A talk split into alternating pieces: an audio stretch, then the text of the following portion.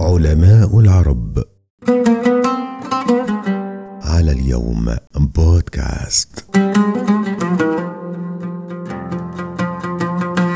للعلماء العرب فضل كبير فيما نحن عليه الآن. لهذا كان من الضروري تسليط الضوء على بعض ألمع هذه الأسماء والتعرف على أبرز إنجازاتهم التي قد يجهلها البعض وكان من أشهر علماء العرب البتاني. عالم الفلك وأبو المثلثات. أبو عبد الله محمد بن جابر بن سنان البتاني الفلكي المهندس.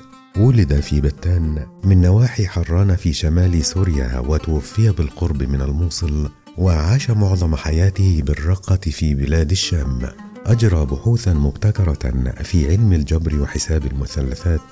لكن ميدانه الحقيقي كان علم الفلك وكان أعظم علماء عصره في هذا العلم الذي وقف حياته عليه إلى أن وافته المنية. الكثير من مؤرخ العلوم يسمونه بطل موسى العرب بل إن بعضهم يعدونه أسمى منزلة منه إذ خالفه في الكثير من آرائه مع بيان الأسباب الموضوعية التي دفعته إلى هذه المخالفة. ويكفي البتاني فخرا أن كوبرنيك الذي غير النظرة إلى الكون بتفنيده للنظام البطلمي بعد خمسة قرون استشهد ببحوث البتاني أكثر من 23 مرة في كتابه الذائع الصيت حول دوران الأفلاك السماوية.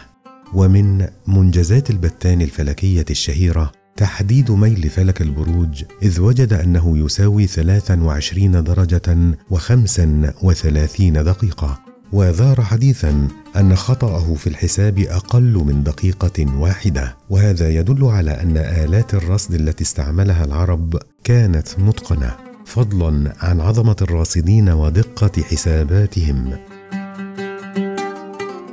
كشف البتاني السمة والنظير وحدد طول السنة الشمسية والفصول فضلا عن طول باعه في علم الفلك فإنه يعتبر أبا علم المثلثات المستوية والكروية واستخدم جيوب الزوايا بدلا من أوتار الأقواس وقد تمكن من اكتشاف قانون مهم في المثلثات الكروية وأوجد دساتير جبرية تعطي قيم الزوايا في بعض المعادلات بعد أن كان اليونان يحلونها هندسيا. شكرا لاستماعكم لنا عبر اليوم بودكاست دمتم في أمان الله.